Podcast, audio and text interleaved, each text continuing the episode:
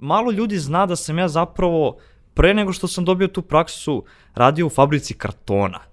I to je jedna jako random priča, gde sam ja tražio posao samo nešto da zaradim preko leta. Bio sam tamo dve nedelje, radio tri smene i bukvalno mi stigao poziv, e, primljen si na praksu. I ja sad bukvalno ono, Kao biraš, da li kartone, siguran iz- posao u iz, kartonu iz ili odela praksa, da. dolazim u Knez Mihajlovu, gde kao gledam prolaznike sa prvog sprata i radimo, ne znam, u fancy cool kancelariji sa onim šarenim podovima kako to već ide.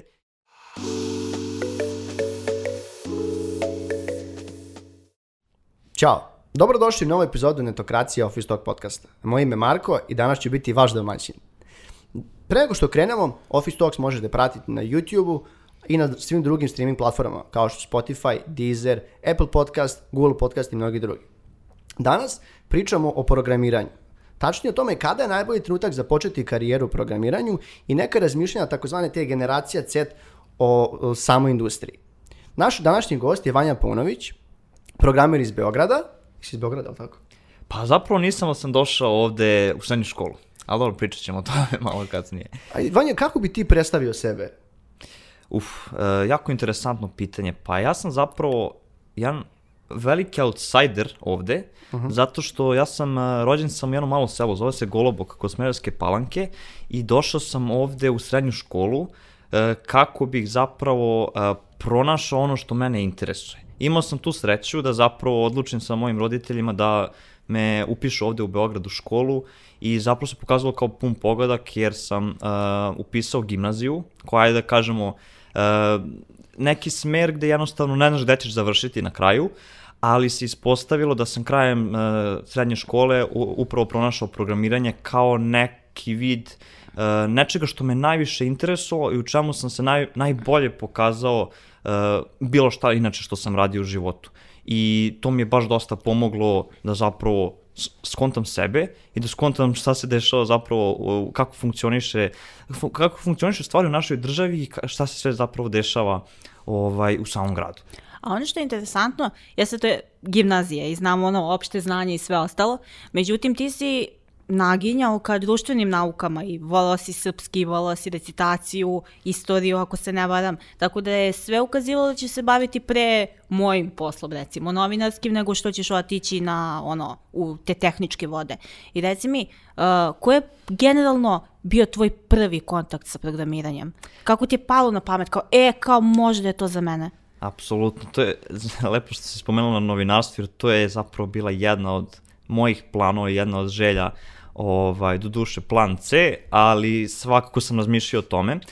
E, Sve je počelo krajem treće godine srednje, kada sam zapravo otišao na sajam obrazovanja. To je, mislim, bilo u Crown Plazi na Novom Beogradu. I tu sam zapravo prolazio kroz fakultete da saznam e, šta zapravo postoji kod nas od fakulteta u Beogradu i šta možda potencijalno može da me interesuje.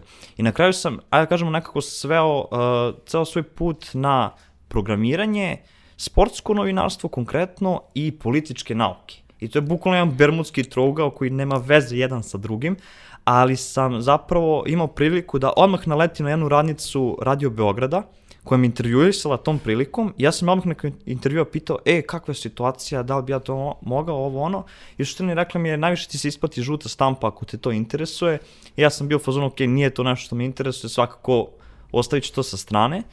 Onda sam došao ovaj, do štanda sa računarskim fakultetom, e, za koji sam znao da je privatni i to je sad ono klasična priča uh, u Srbiji gde smo nekako naučeni da privatni fakulteti nisu dobri, što ne mogu da kažem da sam ja mislio, ali sam, ajde kažemo, razmišljao o tome.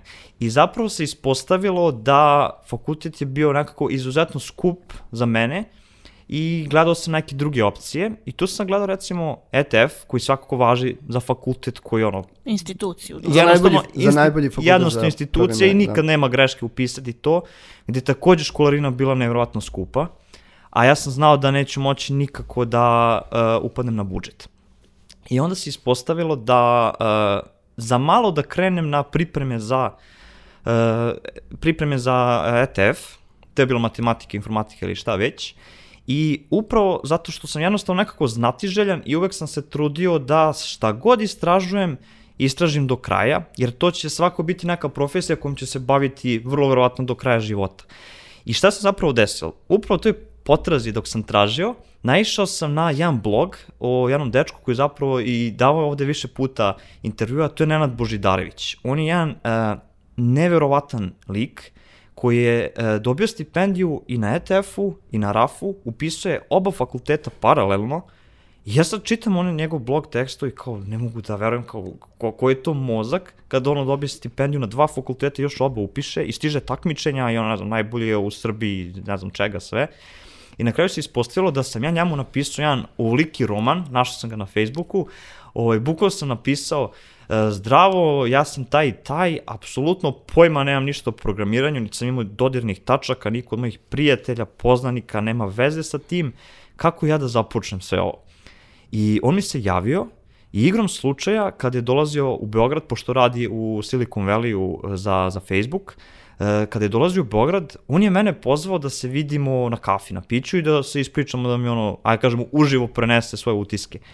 I ja bio u fazonu, ok, kao nevjerovatno, ono, juče sam saznao za čoveka, a već sutra sedim sa njim i ono, iz prve ruke mi priča koje je neko njegovo iskustvo, kako bi ja zapravo mogao da započnem sve to i ispostavilo se da mi je rekao, ajde kažemo, tri najbitnije stvari, to je da učim na faksu, da pratim šta se dešava, da se obavezno taktiči, takmičim, jer to je jedan vid, ajde kažemo, i self-promotiona studenta, da, ajde kažemo, sve te kompanije, headhunteri saznaju za nas i da apsolutno nikad ne odustajem. Jer beskonačno puta će biti jako teško, ali ako nastavimo da jednostavno radimo to što volimo i što želimo, sve će doći na svoje mesto kad tad. I opet igrom slučaja naišao sam na, na jednog dečka, uh, taj moj drug Andrija Jokanović, on mi je prvi put pokazao kako izgleda neki kod, to je bila Java, i apsolutno mi ništa nije bilo jasno, ni narednih Neki mesec brojevi dana. i ostale stvari, šta, imaju, šta ide u javi funkcije, zagrade, šta tačno ide, ne znam. Mnogo da. zagrada slova koji mi nisu imale smisla nikakvog. I zapravo sve je tako počelo. Da kažemo, najveća prekretnica u životu mi je bila kada sam se prijavio za oglas za praksu. To je bila 2016. godina, znači odmah leto nakon srednje škole, ja sam se prijavio na oglas za praksu u kompaniji Devana Technologies, koji više ne postoji. Ali... GoDaddy akvizirao pre par godina. Tako je. I, I zapravo... ti još nisi, izvini, ti još Da. nisi upisao fakultet u tom e, trenutku. u tom trenutku To je- bio je proces upisivanja Da, to je tek oktobar, a ovo je leto pre, Da, tako? mislim, Tako je. pre nego što nastaviš tu priču, meni to, o, imali smo, jeste, imali smo, to je tačno, imali smo intervju sa Nenadom, Uh, tako Više se- puta, Da, da. više puta jeste. I nekako kad, kad slušam tebe, ovo je zaista pozitivan primer kako neko iz zajednice ili kako treba tražiti, ne kažem pomoć, nego pitati za savet. Znaš i sam da vrlo često ljudi nemaju vremena, zauzeti su, uh, znaš, ne, ono, nemaju vremena da se pozabave tim, a kamoli da dođe, da, da te pozove, čuješ se s njim, dati saveti, ja isto cool, konkretne savete ti da. Uh, plus, ko još piše blog danas? To je jedna stvar. Koja je to godina bila? 2016. Apsolutno, to je bila 2016, on je još ranije, mislim da je 2012. 13. pisao svoje iskustva iz uh, Googlea, Facebooka, intervjua, kako je sve to bilo. To je bukvalno, ja ne znam, ono, treba da se na, nacional, od nacionalnog značaja onaj blog.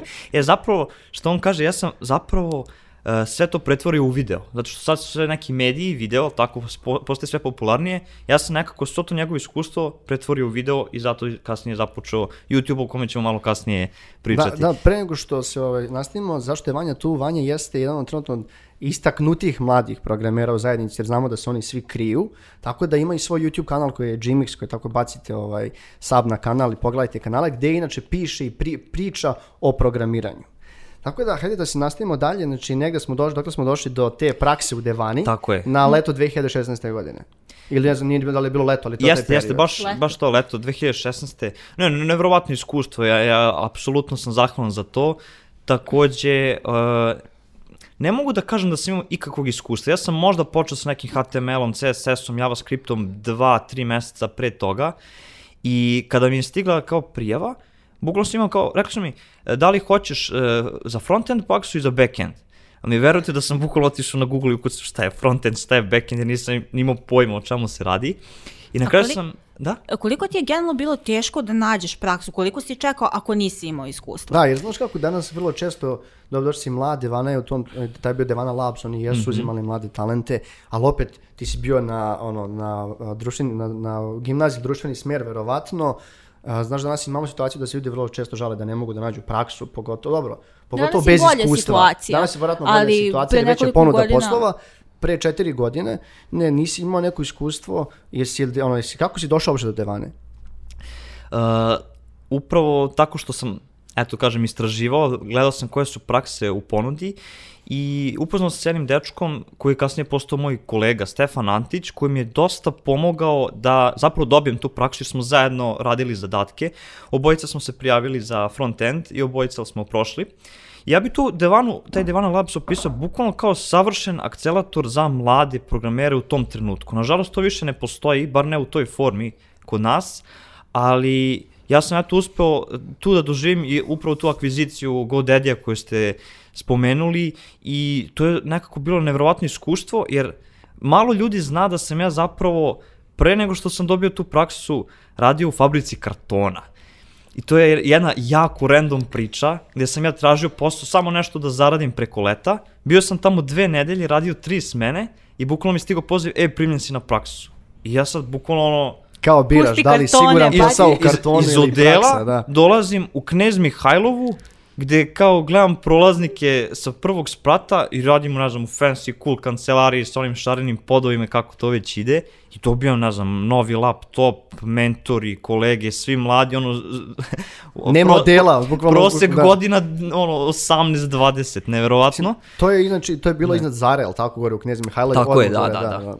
odmah iz Nazare i eto sad nakon svih tih par godina se ispostavilo da ti ljudi koji su bili, aj kažemo tu mentori i vodeći neki ljudi su proglašeni za naj, e, najveće preduzetnike, ja mislim 2019. godine, a takođe svi klinci koji su učestvovali u tom programu su ili napravili svoj startup ili su, uh, ajde da kažemo, ja bih bez problema rekao da su to najbolji mladi programeri do 25-26 godina kod nas u Srbiji, jer neverovatno šta su se us- uspeli da postignu, a počeli su vrlo rano, tipa sa 16-17 godina, da i da rade i da programiraju.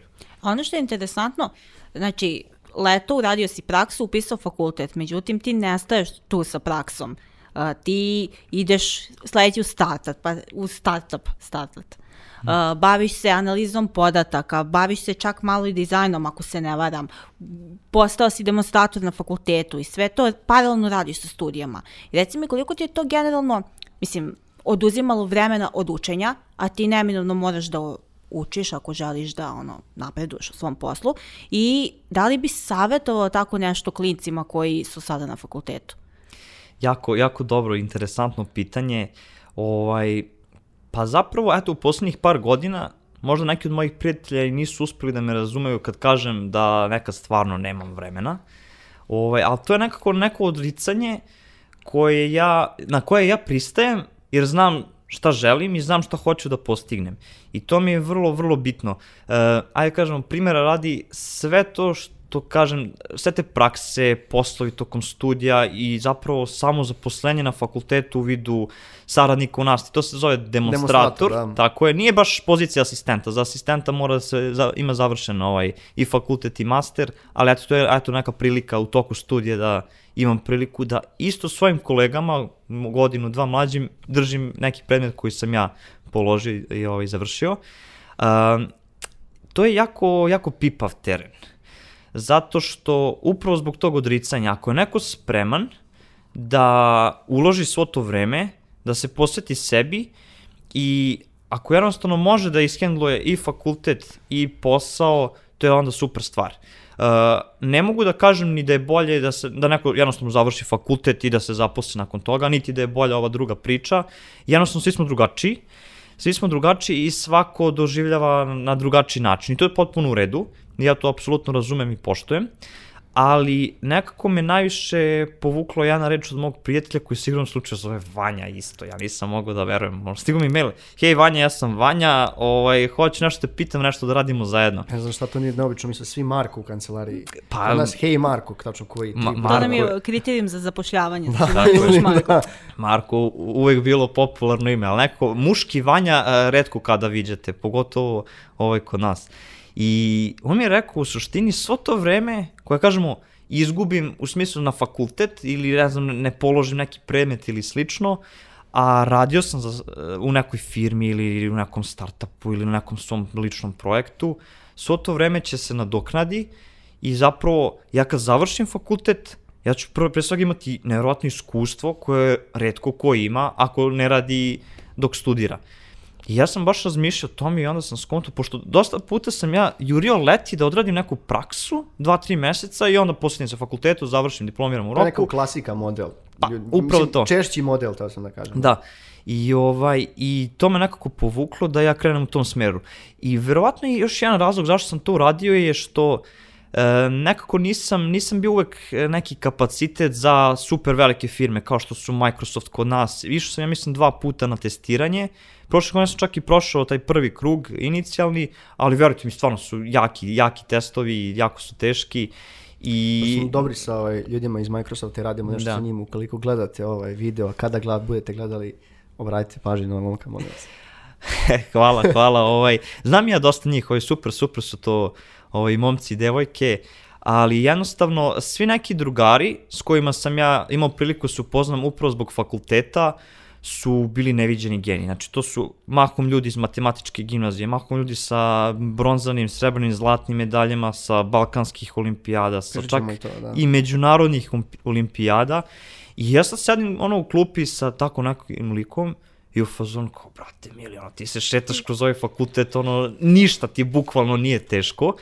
A ja ono, znam koliko mi je potrebno vremena, nemam pojma, ono, za neke predmete koje su podrazumevaju da su laki, kao početak programiranja ja dva položim, ne znam, sedmicom, osmicom, a na kraju se posle ispostavi da, ne znam, radim u tom programskom jeziku sutradan. Mislim, Ne, mislim, znaš kako dobro si rekao, kako misliš, nisi bio, ne znam, stavim pod znake navodnika, kapacitet za te velike firme, ja sam to nekako uvijek doživljavao, bar po meni, e, ja sam nekako smatrao da je po meni bi čak bilo teško nekada da radim takvim sistemima, jer vrlo često imam neko svoje mišljenje koje je, jednostavno, nekad je, čak nije lako se ni uklopiti, znaš i sam, jer smatraš da imaš svoje mišljenje, nekad ne možeš ni da prećutiš, nije lako se ni uklopiti ni u kolektiv. A imamo mnogo primjera gdje su takvi ljudi koji nisu uspjeli da se uklope u takve sisteme, zato što nisu, ne zato što su loši, nego što jednostavno, znaš, nekad je, ne, oni ne radiš ono što, ne, ti veliki sistema vrlo često radiš jednu stvar koju ti su ti daju, da li u kompanijama ili korporacijama, um, imaš primjere gdje su ti ljudi otišli iz tih kompanija i stvorili najveće kompanije na svijetu. Znaš, zato što su ti dali priliku da radiš, da se razvijaš. Ne znam, tako da to meni uvijek nikako nema veze ako ne, prođeš, ne prođete nekim te intervju nekim velikim kompanijama, uvijek nekako prati taj svoj osjećaj i nekad je možda bolje početi u nekom manjem timu i graditi nešto da imaš veću slobodu. Pa ćeš posle par godina da vidiš šta je dalje. Da, apsolutno slažem se sa tim i opet kažem sve to jako individu, individualno, Jeste. zato što, uh, kako bih to objasnio, jednostavno, uh, ja mislim da sam za sebe uradio najbolju moguću stvar. U kom smislu? Uspio sam da budem demonstrator na fakultetu, što znači da ja, kao aj, naravno, učim ljude nekim, aj kažemo, tehnologijama ili šta već. Znači imam tu, najde kažemo, neku vrstu interakcije sa drugima, kao menadžerska team lead pozicija možda, ako bismo tako paralelu pravili sa firmama. Radio sam u startupovima, gde je do 10 ljudi, 15 ljudi i sad sam trenutno u kompaniji Grid Dynamics, koja je, kažemo, ne mogu kažem uh, veliki konglomerat, kao što su Facebook, Instagram, Microsoft i slično, ali jako velika firma sa preko hiljadu i po zaposlenih, pa sad to je distribuirano u par gradova na svetu. I ovaj, uspeo sam, eto, da steknem za sve to neko kratko vreme iskustvo iz, iz svakog dela, nekako, i startup, i ovo manje i veće, i tu nekako gledam da pronađem sebe šta meni najviše leži, šta meni najviše odgovara, šta mi zapravo najviše interesuje. Što kažeš, da li mene interesuje da radim u nekom ogromnom timu koji je rasprostanjen na četiri kontinenta, da se mi čujemo pa sad tu se nešto dešava, ili mi je možda draže da radim na proizvodu ili na outsourcingu, šta god bilo to. Znači imaš 23 godine i već si prošao ovaj, jednu, da kažem, sve i svašta i skoro najveće neke od stvarno velikih domaćih IT kompanija. Svi znamo šta je bila Devana, svi, sad, tri, svi trenutno koji su u IT industriji znaju koliko je grid jak. Plus tim starta ćemo pričati. Znači, prošao si svoje 23 godine svašta i verovatno ko zna šta će biti u naredne četiri, pošto je tek tu koliko je industrija, da ne pričamo narednih 10. Hajde da, pa mislim da smo nekako otišli ovaj, prevremeno od tog rafa. A Kako je bilo, ta, pošto si pomenuo da je krenulo onako malo raf, E, a, svi, a svi znamo nekako da je, ako ne znate, RAF jeste fakultet, računarski fakultet, koji je jedan od, kažem, boljih privatnih fakulteta u, u zemlji, koji ima to, ne, bar je bilo priče Milana Sjedeće da su, da su zajedno sa Startitom i još nekim organizacijama želi da baš prave smer preduzetništvo kao to, to ovaj, startup preduzetništvo, IT preduzetništvo, ono je bilo priče o tome, ne znam koliko je sad stiglo se E, sa tim. Da, zapravo gostove Vukašin kod nas, imali smo kao ra- radionicu, baš sam ja učestvovao na njoj ovaj, kao posmatrač, odnosno pratilac. Ovaj, to je isto bilo interesantno. Dovodili su mnogo, mnogo interesantne ljudi iz industrije. Ne samo naše, nego i nekih naših ljudi koji su uspeli preko. Tako da... Ja, mislim, teo sam samo da se vratim na te, pošto ti dalje, tu si dalje kao pri kraju fakulteta, nekako si, išli ste na hakatone, hajde pričamo i o tome, pripomenuo sam s neke kolege zaista koji su pisale RAF, a, bile zaista sjajne, da su osnale razne ovaj, takmič, medalje na raznim olimpijadama čak ili slično, to vratno za matematiku ili za programiranje, ne znam šta to ide. Pa neki su i oba E, stigli. da, hajde da nam ispričaš malo o tom tim, kakav je uopšte, kako izgleda fakultet, pomenuo si da si imao tu neku, možemo, odbojnost zato što je ovaj, privatni, da li postoje neke stipendije za studente, jednostavno, znaš, e, koliko vam fakultet pomaže u tim spremanju tih hakatona i slično, pošto ste pobeđivali i na fonovim ha- hakatonima koji nemaju veze s vašim fakultetom i to. Da se prisjetimo tvojih fakultetskih dana. Da. Koji dalje traju. Koji dalje traju. Koji dalje traju. Nažalost, nikako da završim. Ovaj, jako dobro pitanje. Uh, glavni razlog zašto sam ja upisao računarski fakultet, pored toga što mi naravno Nenad preporučio, je zapravo što se radi mnogo projekata. Znači, to je bukvalno praksa fakultet. U kom smislu? Ja sam jako siguran da uh, možda čak i u godinu i po dve dana koliko mi projekata odradimo, da ni na jednom drugom fakultetu, bilo da je državni privatni, nema toliko za sve četiri godine. Jer stvarno tempo je neverovatan, ali i pored tog, ajde kažemo, nenormalnog tempa gde stalno imaš neke projekte u različitim programskim jezicima, e, imaš i nekako vremena za sebe. E sad tu dolazi ta jako bitna stvar da jednostavno možeš i da se posvetiš sebi pored fakulteta i zato često studenti već u trećoj, četvrtoj godini nalaze neke poslove i, uspeju da e, nekako ukopčaju sve to da funkcioniše i da stignu da završe fakultet, nekim ajde možda malo produže, ali nije to ništa strašno, ali uspeju. I to je jako bitno, zato što jednostavno, ja sam, čak sam to i više puta pričao, nekako sve te stvari zbog tih praksi, projekata koje sam radio i pre fakulteta i za vreme fakulteta, u nekim predmetima sam jednostavno bio dve godine ispred. Naprimer, u trećoj godini dođe neki web, dođu neki lupam server ili šta već da se rade, a ja već ne znam imam godinu, godinu i po dana iskustva tome i samo sam došao i prošao kroz to, nisam ni primetio, da recimo neki kolege baš su imali problem da, da zapravo započnu projekat, da skontiju šta se traži i baš upravo dok sam i pričao s njima, motam sebi onako kroz glavu kako je meni izgledalo kad sam započinio i apsolutno razumem koliko je nezgodno kad prvi put ovaj, prolaziš kroz to, ali upravo sve te neke prakse i pre svega jako su dobri predavači, recimo igram slučaja taj jedan predavač je predsednik e, komisije za e, takmičar, za programiranje, za takmičenje iz programiranja u Srbiji, srednjoškolska i on je bio jedan od glavnih profesora koji me bukvalno naučio da budem softverski inženjer, a ne programer. Možda baš u kratko razliku, što ja također smatram da je dosta bitno, š- šta ti je šta je tačno razlika među programera i inženjera? Jer nama, po meni, trebaju nam mnogo inženjera koji će kasnije da stvaraju proizvode. Da, drago mi je što si me to pitao, jer namjerno sam ovo rekao. Ovaj, zato što jednostavno um, u startu smo odmah dobili uh, nač, način na koji su nam se obratili, na koji su nam predavali nešto, nas je naterao da imamo drugačiji način razmišljanja. Jer generalno programiranje kao programiranje je takav posao, takva delatnost, da em što morate konstantno da učite, što se nekako i podrazumeva, ali jednostavno drugačije gledate na svet oko sebe. I meni upravo taj drug koji mi prvi put pokazao programiranje rekao, samo ćeš da osjetiš kako će ti klik na jednom u glavi, ne mogu da ti objasnim taj osjećaj, ali osjećaš taj klik kad će samo jednom sve da ti bude savršeno jasno. I mislim da se meni desilo to nakon godinu, godinu i po dana od kad sam počeo da učim programiranje. Bukvalno radim nešto i samo skontam, brate mili, znači bukvalno svaki programski jezik je samo alat, apsolutno nije bitno u čemu kucaš, ti ako imaš tu logiku, ako tebi to jasno koje je rešenje problema i kako ćeš doći do toga, ovo će samo ti pomogne da to realizuješ i ništa drugo.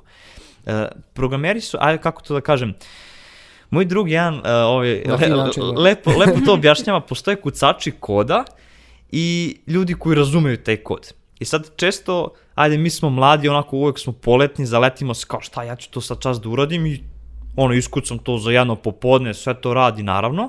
I onda prođe par meseci, sutra to bude negde na produkciji, koristi par desetina hiljada ljudi i desi se neki bug koji košta mnogo više nego kad na fakultetu pogrešiš nešto.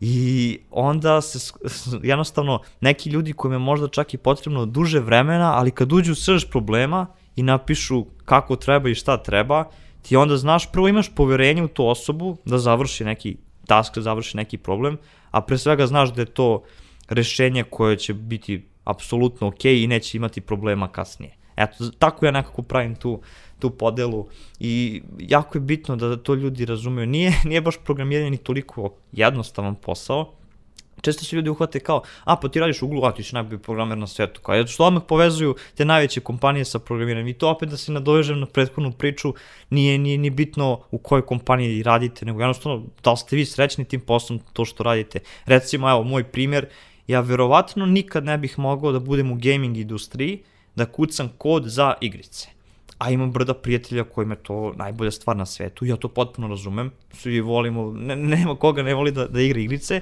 ali ja jednostavno nikad me nije privlačilo da uh, ja kucam kod koji će to da izvršava. A reci mi, koliko su ti generalno hakatoni uh, Uh, koliko su te naučili što se tiče tog brzog rešavanja problema, pošto je ono i dalje učestvuješ i sa, sa timom i dalje pobeđujete i generalno ono, kako izgleda sad taj e, da, hakaton ja ću samo, Milena, jako dobro pitanje, samo se nadovežem, imali smo situacije, pošto smo mi vrlo pokrivali mnogo hakatona i bili smo tamo, svoje vremena. za svoje vremena, da, jer one vreme, jedno vreme su stvarno bili indie hakatoni, pre dve, tri godine, mm -hmm. tamo kada si krenuli. Znaš što me zanima, jeste vi bili oni što dođu pobedja na svim takmičenjima ovaj, i, i ste razvijali neku tu ideju dalje, ste razmislili da razvijete tu ideju dalje, šta se dešava s tim idejama kad pobedite, znaš? Uf, odlično pitanje, svašta se izdešalo. E, evo, ja sam sad za vikend sam imao još jedan hackathon i sad sledeći vikend imam još jedan. Znači i dalje su in tad. I dalje, dalje su in. in. Sad je malo nezgodno zbog, zbog situacije sa pandemijom mm. i mhm. svim tim. Znači ali, to je online sad. Online su sad trenutno.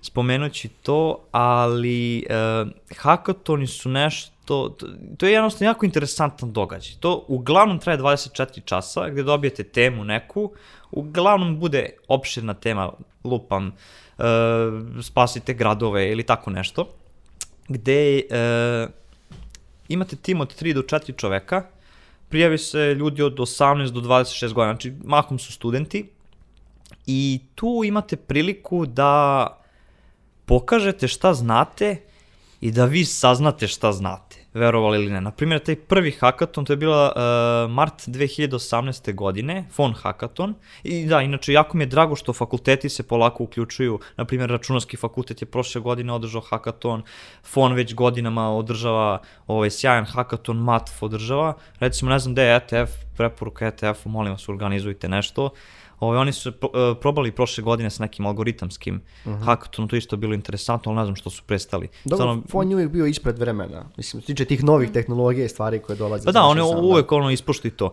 I šta se zapravo desilo na tom hackathonu? Znači, mi smo došli, uh, potpuno outsideri, to je bila, ja mislim, druga godina, tako nešto, i uh, tema je bila big data. Niko nema pojma šta je Big Data. Znači, google i to šta je Big Data. Apsolutno, kakvi crni veliki podaci, gde ja znam da radim sa milion uh, linija teksta u fajlu nekom, gde nemam pojma ni, ni šta se zapravo koristi od tehnologija. I sreća, pa uh, rođeni brat od jednog mog kolege iz, iz tima se zapravo bravi cloudom i on je znao za Elasticsearch i za Kibanu, koji su bili savršeno rešenje za to naše, za tu našu temu, a tema je bila uh, da iskoristimo te velike podatke koje smo dobili od korisnika Exita, znači potrošnje interneta, pozivi, poruke uh, od MTS-a. Naravno, sve to bilo enkriptovano, nisu bili pravi podaci u smislu imena i prezimena ljudi, ali su bili pravi podaci što se tiče vrednosti za te potrošnje. I zapravo mi smo napravili jedan nevjerovatan logging sistem upravo zbog toga što smo bukvalno 2-3 dana pre takmičenja pročitali malo o tome i uspeli smo na prvom svom takmičenju ikad da osvojimo prvo mesto pored ljudi koji su ono, ja, znači bukvalno su bili, ne znam, četvrta godina, misliš da pošalju raketu na mesec ili šta već, ali nekako da smo imali sreće, ko zna šta se sve tu izdešavalo, ali smo uspeli da dođemo do toga. I upravo zbog toga zvoni meni telefon 3-4 meseca kasnije, zovu me, ne znam, kao neki direktor, pod direktora iz Telekoma. Pod direktor. Pa nemam pojma koje su. Telekomu je vratno tako i jeste. Pa mnogo, mnogo ima tih direktorskih pozicija, ali u fazonu Velika stiže kompanija. poziv. Jeste, to je tačno. Kao, e, Vanja, ti si, ti si onaj što ste uzeli na prvo mesto, kao, ajde, kao da radimo nešto, kao to. I na kraju se ispostavilo, što me velika čast, da uh, to rešenje smo zapravo počeli da implementiramo u Telekom, u MTS, i zapravo u poslednjih, eto, te dve godine malo se izmenila njihova infrastruktura upravo zbog tog našeg rešenja. Kao, kako se to može sve se desiti za tako par meseci, ja nevjerovatno. možda malo sad, ne znam koliko je okej da pričam o tome, a, to je znači vi ste dobi, pobedili i dobili ste vratno neku novčanu nagradu, nije sad bitno koliko je, Dobro, razumem, da. možda vratno ste potrošili kao i svi mladi programeri, na ne znam na šta sad, nije ni bitno da ovaj, Pa ne, ne, ne, da, da, ne, da ne idem u to. Nekako mi palo mi na pamet, ono, pošto sad ovaj, ne, naš mnogo članaka mi iskače i kako ovaj, San Francisco je postao grad, grad, grad greha i kako ovaj, Gad greh. Grad, da, i kako, da, nije ni bitno. Sad sam da kažem, jer da li, pošto oni iskoristili vaše rješenje, dali implementaciju, uh, znači oni imaju pravo da koriste vaše rješenja, da li ste vi dobili neku nadoknadu za to što oni dalje koriste to rješenje? Moram da se složiš, ja znam kako hackathoni funkcionišu, nekad nije fair. Znaš, on će da implementira tvoje rješenje i da napravi, sebi, uštedi sebi milione vreme, ono, milione evra podataka i slično, evra, a ti si dobio tih 5 do 10 hiljada evra što si, wow, mi klinci dobili i pobedili. Uh, nije čak ni toliko, verujte. Pa Vera, Mislim da je verovatno pet je pet. velika ja, suma Upravo, čak. mislim da je to. Da, mi smo svaki put bili to uvek, pošto na integraciji imaju u Hrvatskoj, koliko su kod njih bili veći nagradni fondovi nego kod nas. Znaš, Jeste, dosta je to sad u razvitku kod nas. Što kažeš, bilo je to 2018. 19. baš onako povoju, nego sad opet pandemija zeznula priču, ali ovaj, tek se to razvije i sve budu veće i veće nagrade i ozbiljnije. Um, dobro što si to spomenuo zato što hoću da kažem da postoji druga strana priče. Naravno, nije, nije uvek sve to tako bajno i sad dođeš, pobediš i ti si sad ne znam šta sve uradio. Jednostavno, amin. amin. Jednostavno, e, jako je teško. I evo recimo daću primer upravo hakatona koji sam doživao pre par dana. To je fon hakatona koji idem treću godinu za redom gde sam imao izuzetnog uspeha, znači 2018. prvo mesto, 2019. drugo mesto i sad sam ciljao treće da napravim jednu truplu krunu. A samo da te prekinem, ideš Da. sa istom ekipom ili... E, Mahom sem- je bilo sa Ne. istom, ali jednostavno neki su počeli da rade, nisu više imali vremena, pa sam posle malo, malo sam i šarao. I to je, čini mi se, 11. moj hakaton, da, u poslednje dve i po godine. I ispostavilo se da uh, dobili smo neku temu, apsolutno smo sve uradili po pijesu, tokom celog e, takmičenja smo dobili fenomenalne komentare, nijedan bio, nije bio loš komentar, sve vreme je bilo kao ovo je super, to je to, uboli ste, samo cepajte dalje. I na demu kad sam predstavljao rešenje, e, dobili smo recimo i komentar ok, prevazišli, prevazišli ste moja očekivanja, nemam nikakvih pitanja. A verujte mi, to je nekako e, next level st- stvar kad žiri treba da, vas, da vam postavi neko pitanje, da vas, ajde kažemo, Da, e, prvi put niko ništa nema. Znači, bili, bili smo na više haka, uvijek pitaju, čak da bi pitali nešto. Kako tačno, šta radi tačno dugme? Apsolutno. Do, do duše, jako su bila dobra i konstruktivna pitanja tokom celog takmičenja, ali nismo ni u jednom trenutku imali taj osjećaj kao, ovo je kao, ovo je nešto loše ili baš smo nešto pogrešili, otišli smo van nekih granica. I kao završava se takmičenje, pro, proglaš, proglašavaju se pobednici i mi nismo uopšte ni u top 3. I to je pre svega bio jako veliki udarac zato što takmičenje treba 48 sati, verujte mi, jako je teško ne spavati za svo to vreme. Ja sam spavao možda 7-8 sati za tih 48 sati, konstantno sam kucao. Mlad ti, dosta je to. Jeste, ali recimo imao sam velikih bolova od sedanja, gde mogu kažem dan danas mi malo malo, malo imam problema s tim. Čekaj da se završi To ovaj deo podcast, za, to je ovaj deo za kičmu smo rekli To da nećemo. de- deo Da. za kičmu i programere. Da. ovaj, ali zapravo to gledam kao dobru stvar, pod znacima navoda, zato što možda se iz toga izrodi neka ideja za startup, Mhm. možda se iz toga izrodi neka, neko rešenje koje ćemo razvijati Ja. uskoro, ne znam, neću previše reći, ali um, upravo to što kažeš, um, nekako ti samim tim što učestvuješ na takmičenju, osim što ti daje veliku priliku da neko čuje za tebe, isto tako ako slučajno napraviš nešto dobro, to je samo neko uzeo. Da, to, to je I to je jako nezgodno. A pazi, to je, mislim, industrija ima i svoje dobre i svoje loše strane generalno i super je što si tako mlad ušao u vode da znaš ono čega da se plašiš, gde ono treba da budeš onako jači, prodorniji i sve. E sad, uh, šta je ono što bi istakao u industriji, domaćoj, srpskoj IT industriji, da ti se dopada, a šta su neke prakse koje ti se ne dopadaju, a s- s- m, sretao si ih u startupima, u kompanijama, na hakatonima.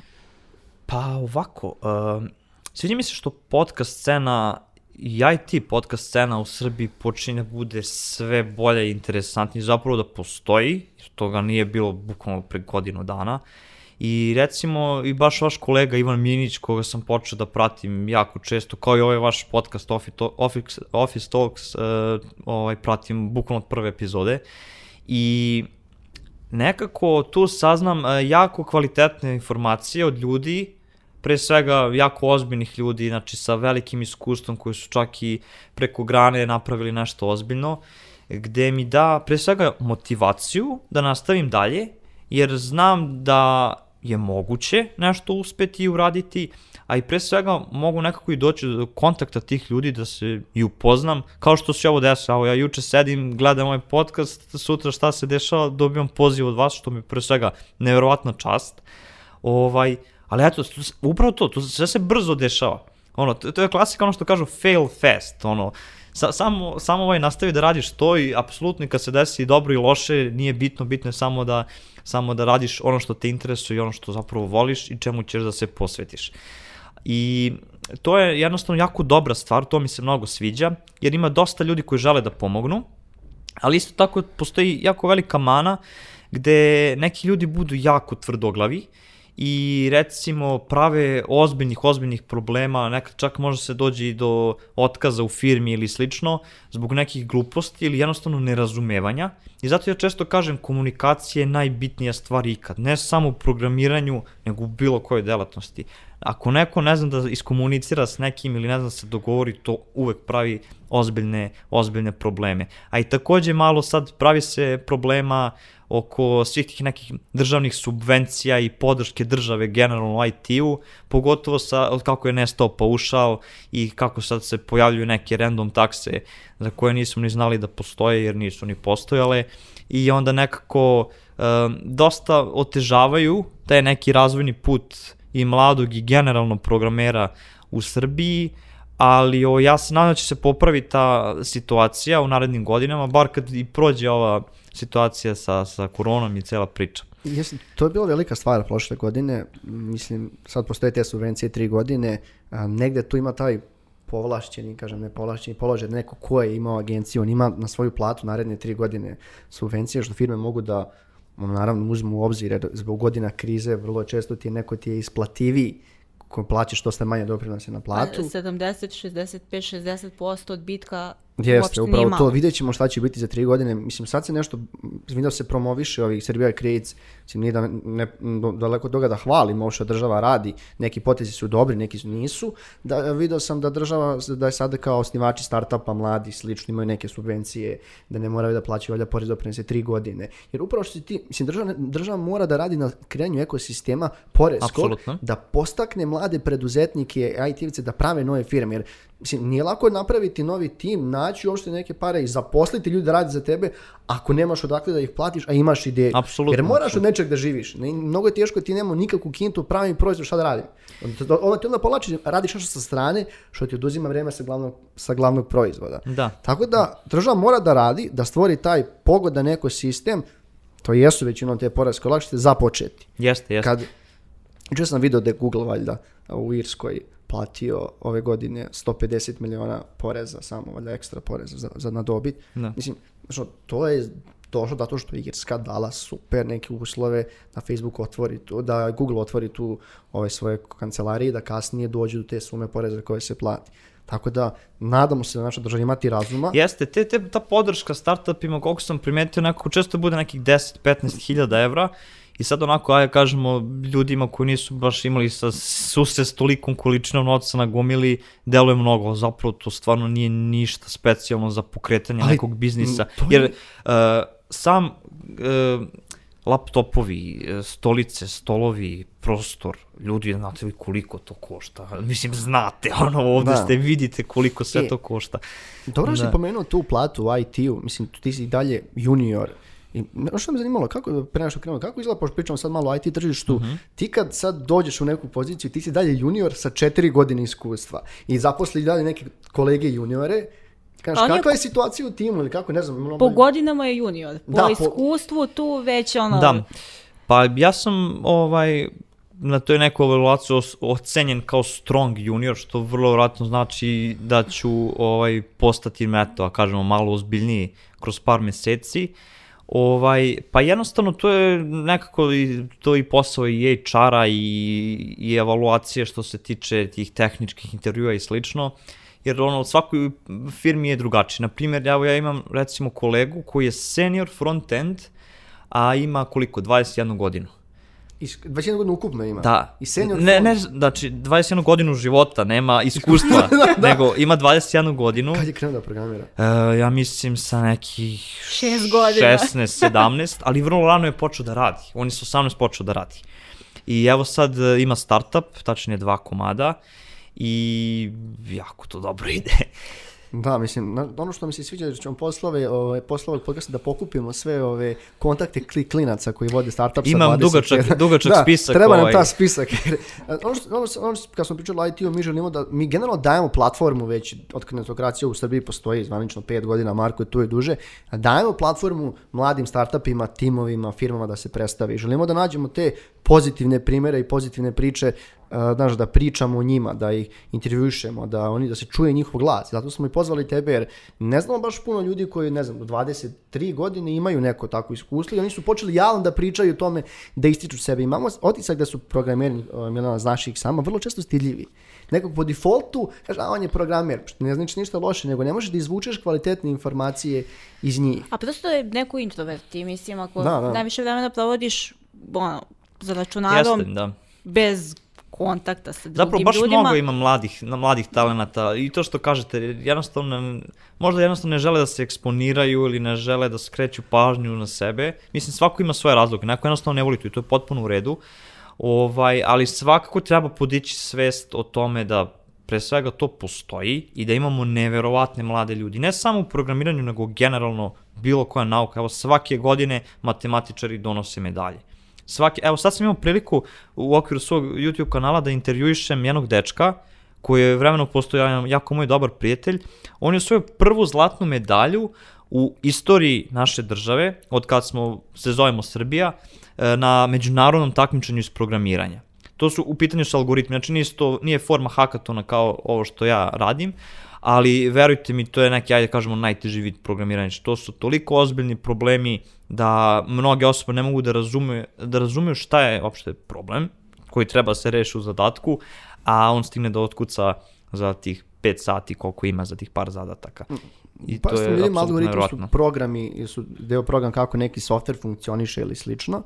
Uh, ja iskreno da tog dečka nisam čuo, mislim verovatno nisi ni ti, jako smo Pre deo, da, pre tvog podcasta, kanala. jer jednostavno uh, takva priča vrlo često ne dođe u medije. Mi ne dobijemo, niko nam ne javi, niko je kao hajde da uradimo ovu priču, jako smo IT mediji, veliki nacionalni kanali takođe ne daju prostor jer oni smatraju da vrlo često to e, nije profitabilno za njih i takve priče nisu gledane puno, što je pogrešno ako ćemo mi da pričamo i želimo da mladi ostanu, ne da odu, moramo da nađemo te dobre primere, jer ih ima. Mislim, ne bi Srbija postala a, da toliko jako u IT, ne bi došlo toliko stranih firmi ovde da, naše, da naši programeri a, nisu tako dobri kao što jesu. Apsolutno tačna informacija. I onda da. nas to u stvari dovodi do te uh, promocije IT-a, mladih ljudi, startupa na domaćem tržištu koji se pokreću, što se mi, jel te, skromno trudimo da radimo, ali trudiš se i ti na svom YouTube kanalu. Kako si uopšte rešio kao, e sad, pored svih ovih obaveza koje imam, ja ću sad da otvorim i jedan kanal, pa ću tu da radim promociju IT-a i da pomognem svim klincima i vršnjacima koji hoće da uđu Da. u ovu oblast. Ovaj, pa to je nešto zašto se pripremam zapravo mnogo godina. E, ja YouTube aktivno pratim sigurno jedno 7-8 godina, verovatno i više, ali ajde da kažem u posljednje vreme, kako i, pogotovo kad je postao popularniji kod nas, definitivno pratim sve živo. I e, mogu reći da jednostavno čekao sam da završim s tim nekim obavezama na fakultetu, da mi se, eto kažem, smanji taj jedan teret, da bi mogao da započnem ovu svoju priču. E, prvenstveno sam započeo e, o programiranju i generalno promovisanju te neke priče i mladih i slično, ali na malko nekonvencionalan način. Znači, ne pravim tutoriale, ne pravim ono kako šta se radi ili šta već, nego jednostavno pričam svoje iskustva i pričam iskustva drugih.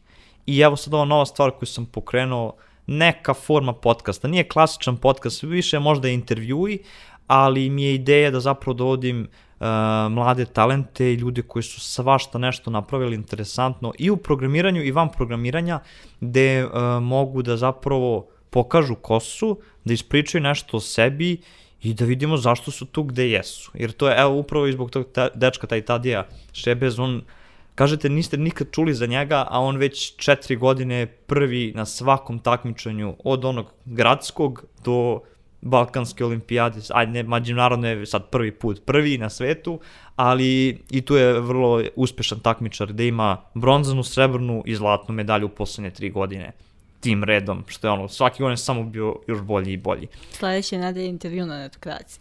Da, vidjet ćemo još za to, verovatno, uh, verovatno hoćem, počeo si, znači pričamo sad malo o YouTube-u, nama si bio, sjećam se, pre, inače pre nego smo čuli za tebe, meni si skočio na YouTube-u, ja šaljem Milan, je, kažu, pogledaj neki ovaj klinac, bukvalno smo tako rekli, jer mm -hmm. dalje si mlad, pokrenuo je uh, YouTube kanal, hajde da odemo priču, bit će zanimljivo, ali rekao, aj, hajde da sačekamo malo da ima, da ima kakav sadržaj pravi.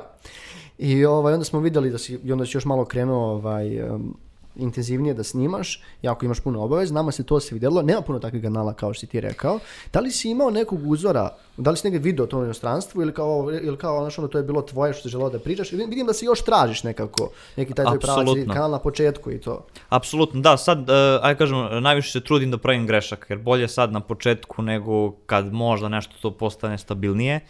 Uh, svakako, um, IT YouTube kanala u Srbiji baš i nema nešto previše.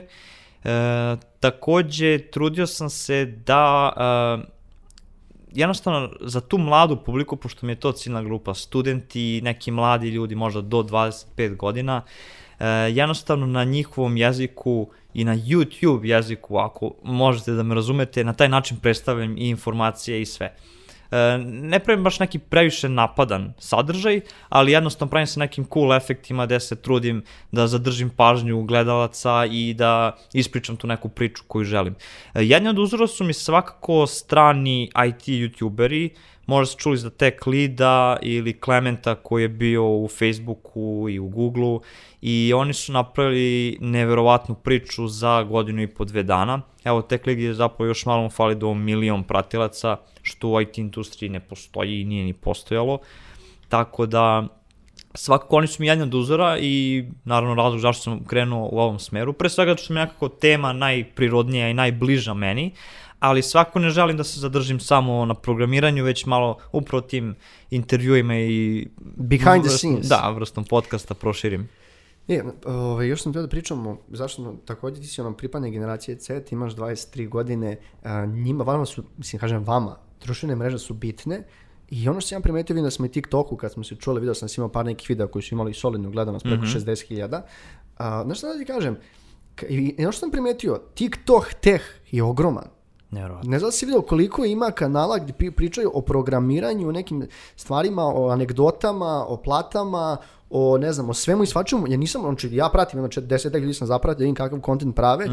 Nisam očekivao da će toliko mladih programera sa preko praviti takav kontent na TikToku. Jer upravo Da, sam da. ti rekao, kakva je situacija kod nas? Ti, ti se družiš sa programerima u Da. u kompaniji. Koliko uh, je to bitan deo naših, ove, naših ono, svakodnevnice naših mladih programera i da li razmišljaju u tom pravcu? Znaš, da li, ima, da li znaš još neko da je tako malo odskočio, da želi da se bavi uopšte na društvenim mrežama na taj način? Pa nekako, nažalost, nisam to primetio. Bar ne da mi neko direktno rekao kao, ok, svakako postoji tu neka podrška, ono, ej, super ovo što si krenuo, sviđa mi se, ovo nije loše, ovo uopšte interesantno je, ali niko još ne želi tu da se pridruži u smislu, hej, hoću ja da podelim svoje iskustvo, kao što da ne, što ne bih ja napravio ovaj YouTube kanal ili, ne znam, na Instagramu stranicu ili... Ili taj- podcast, Ili i- podcast, ili upravo i taj TikTok koji je postao sve luđi i luđi. I ovaj, da, i na TikToku sam napravio profil i zapravo još prošle godine jer sam hteo da istražim platformu. Jednostavno, zbog prirode posle ja moram sve da ispratim, da, da istražim, a jednostavno znatiželjan sam. I ne znam, ti videi, ono, ne, ne, ne, neverovatno je kako to funkcioniš, ne znam, postaviš neku glupost, ono, kratak video, 3-4 sekunde, pogledaš 100.000 ljudi preko noći, mislim, svi znate već priču, imali ste i gostova mi ova Alergoga, ovaj, koji sam zapravo video kod vas u podcastu i pozvao sam je kod sebe, tako da sam oteo gosta, tak, tak nisam oteo gosta, samo sam ga pozajmio, Ovaj, tu sam zapravo, zbog nje sam i malo više istražio taj TikTok i malo mi je bio jasnije kako, kako to sve izgleda. Tako da svako, e, trudit ću se da nastavim na svim društvenim mrežama i platformama da plasiram svoj sadržaj, jer to je ono sad klasična Gary Vee priča, ovaj, pratim i ja njega, mora to i malo da se isto ispoštuje. Ja pratim par, Ovaj, par kanala što ismevaju Gary Vee, što ne znam da si ga video, pokazati ti posle neki čovjek koji ima, liči na Gary Vee, a ima isti glas E, ne znam i to. presmešno. Znaš, ono samo njegove situacije neki komičan način ismeva. Da. Bukvalno za spavanje, kaže koliko si spavao, 3 sata, kaže ja sam do svoje 32 spavao ukupno 3 sata i te fore. da, da, tako da. Dobro, on možda malo nekad preteruje, ali ono, mislim, Dobro, on Gary je... Vee je Gary Vee, svi znamo ovaj, kako to funkcioniše i jednostavno napravio to što je napravio zato što je želeo to da napravi i pokazuje kako se to radi. Ovaj, sve ja to nekako pratim i tru, trudim se da napravim neku slagalicu od svega pomalo i što kažeš i da pronađem sebe, da vidim šta meni najviše leži, šta zapravo i publika koju bih stekao vremenom bi najviše, najviše interesuo. Svakako me ne interesuju neke gluposti ovaj, da snimam. Verujte mi, pratim ja i ove naše najveće youtubere, pog- pogotovo ovaj, neki top 10 koji, koji trenutno postoji. Uh, ovaj, svako ne interesuje me taj sadržaj. Recimo, uh, najviše nekako uh, što sam primetio u poslednjih godinu dana, to je možda i dosta ova trenutna situacija napravila, rodili su se mnogo, mnogo interesantni Ako kanali. kažeš Mario Vrećo i familija, ne, mislim, E, naravno- svaku epizodi pričamo iste stvari. Da. Ne, znate kako, uh, Milaković je napravio odličnu stvar, Jest. zato što uh, on ima neverovatan uticaj u Srbiji. Uh, pre svega zato što je napravio par interesantnih likova u Dnevnjaku, koje sam ja naravno sve to pratio i od kada se odlučio da krene svoju priču, eto šta se sve izdešavalo. Nekako počela je kultura da dolazi na, na YouTube, takođe jedan dečko koji je, eto, pazi sad ovu priču, on je programer, ali mu je kontent uh, okrenut ka nje, njegove dve ljubavi, geografija i istorija. Da, ozbiljne teme. Ozbiljne teme. Nisam, nisam znao da Igor programer. Da, on je programer. I ja to nisam mogu verujem, baš sam pričao sam s njim, pisao sam mu pre možda mesec, dva dana. Ovo, nisam ni ja znao da je on programer, Da li ali... dobio odgovor? Naš kolega Crnjansko uvijek čovjek iskulira, op- zaprati ga na Instagramu i svim druženim mrežama, da vratno zaboravi da odgovori ili slično. Pa, pazi, on sad je već došao Da, da, da, sad je to ipak brojeva. 200.000 ovaj, pretplatnika. Jeste, pa. jeste, ali to su neki ljudi koji me ono najviše interesuju i baš bih voleo ovaj, da napravim neku priču sa njima. Ovaj, evo sad sam baš u kontaktu sa Marijom dosta u poslednje vreme, stvarno je ono super lik i zapravo i on je išao, aj kažemo tu neku tehničku školu, gde za malo da i on vjerojatno postane programer, ali eto Pa nije krenuo je, kasno. da, krenuo Da. je, krenuo je eto u nekom drugom smeru što je skroz cool.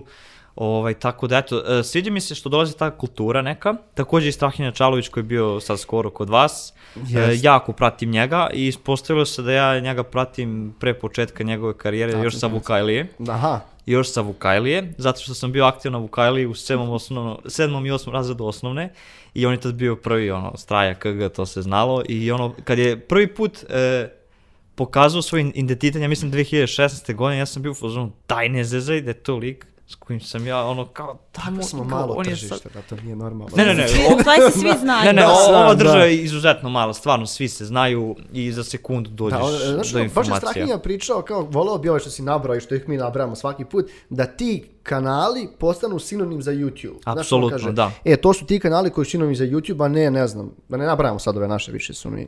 Naravno.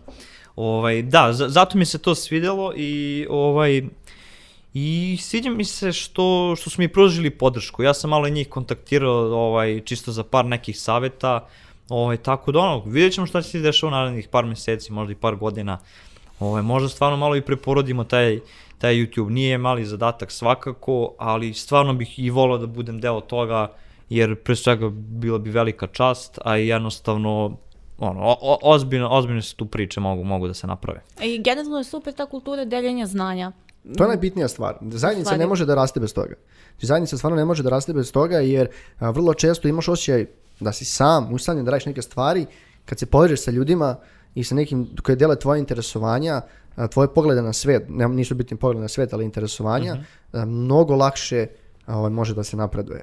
Uh, ja sam ti kažem, pošto mi je Miloš, naš kameran, pre 10 minuta, možda više, javio da pričamo 45 minuta, ja dalje ne verujem da pričamo toliko dugo, iskreno. Nekog noć nam je brzo prošlo. Uh, a na kraju, šta bi poručio ovaj, ljudima koji, ne kažem tek čeka upisivanje fakulteta, ne vezano za, ne za klinice, nego sve koji žele da se bavi programiranjem. Znači, Znaš, ono, ima dosta ljudi koji, koji znamo koji su samouki, a napravili su sjajne rezultate. Znaš, šta bi im poručio? Ne nužno šta, šta koji fakultet da upišu, nego Da. neku, neku tvoju poruku. Ono što su tebi ljudi poručili, šta bi ti sad posle, ne znamo, 4-5 godina poručio nekim novim ljudima koji žele da se Evo, bave? iz mog ličnog iskustva, sve što sam shvatio i razumeo kako funkcioniše ovaj život je da samo nađete ono što vas interesuje, što želite da radite, što voliš, šta god to bilo. Da li je to programiranje, da li je to neki drugi posao, druga delatnost, apsolutno jako nije bitno. Bitno je samo da ste vi srećni i da radite ono što hoćete. Ako vas baš interesuje programiranje, super cool je, definitivno nije za svakoga, definitivno treba ispoštovati sve one reči i rečenice koje slušamo već godinama, a to je nemoj da juriš tamo zbog novca, nemoj sad tamo, ne znam, šarena kancelarija, ti sad ići ćeš tamo da bi se dokazao nekom ili slično. Ne, nego jednostavno uradite to zbog sebe i ako vas to stvarno interesuje. Ako jednostavno želite da saznate nešto više o tome, postoje brda kursa. Jednostavno, programiranje je delatnost gde relativno su ljudi samouki. Fakulteti su sjajna stvar da napravi podlogu i da napravi softverskog inženjera od programera, ali ovaj postoji dosta slučajeva gde jednostavno neko i nema ni završen fakultet, a jako je dobar i kvalitetan programer ili čak napravi ozbiljnu kompaniju ili startup vremenom. Tako da definitivno samo treba nastaviti u tom pravcu i apsolutno nikada da se ne odustane. Takođe rečenica koja se stalno ponavlja od kada sam se rodio, ali ako je samo kažete sebi, ponovite, ne morate svaki dan, ali jednostavno poštujte to. Ka, sviđa mi se recimo, Galeb je u svom Agilast podcastu rekao uh, za njegov kao sadržaj, šta god da se desi, izbacuj ka- kako si napravio plan. Da, Da, da, nema jedno non stop, non stop, da. Mo, znači, samo izbacuj. Samo izbacuj. I to je to. Znači, samo trudi, samo nastavi da se radi. Apsolutno će beskonačno puta da bude teško, ali kad nije teško, kad bude taj nekih 5 minuta slave, ajde da kažemo, ovaj, to je osjećaj najbolji na svetu koji ništa ne može da zameni. sa ovaj, tim rečima Gary Vee-a, šalim se, šalim se, ne, to si super rekao, mislim, znači, ono, ako se bavimo programiranjem nečim drugim, da je, uzmemo to i ne puštamo. Pa, ne apsolutno. puštamo godinu, dve, tri, dok ne postanemo dobri. To je. Milan, da li imaš ti nešto za kraj da dodaš? Za kraj nemam ništa, ali se nadam da ćemo uskoro ponovo raditi neki tekst i gde ćemo pričati ponovo o nekoj pobjedi na hakatonu, tako da Vanja, nemoj da me izneveriš. Pa, to je jako nepredvidivo, ali ovaj... Ili o daćemo- startupu. daćemo sve. Pa, vidjet ćemo, Da, pa nikad se ne zna. rekao si sad da imate tu ideju za možda startup, za nešto više, želimo ekskluzivu na netokraciji. Možda se nešto pokrene, vidjet ćemo. Da, oko toga, Vanja, hvala ti na gostovanju. Meni je zaista bilo ovaj, zadovoljstvo da pričam sa tobom i da čujemo neke, dru, ono, kažem, poglede na svet koji su možda druga, svet koji je možda drugačiji od našeg. A vama, sluša, gledalci slušalci, hvala što ste bili sa nama do kraja emisije. Pozivam vas da još jednom zapratite Netokracija Office Talks na svim streaming platformama, na Deezeru, Spotify, Apple podcastu, Google podcastu i slično, a također zapratite i naš YouTube kanal. Želimo da postanemo dana najveći YouTube kanal u Srbiji, tako da Bako Prase, Muđa i ostali dolazimo po tebe. Pozdrav svima!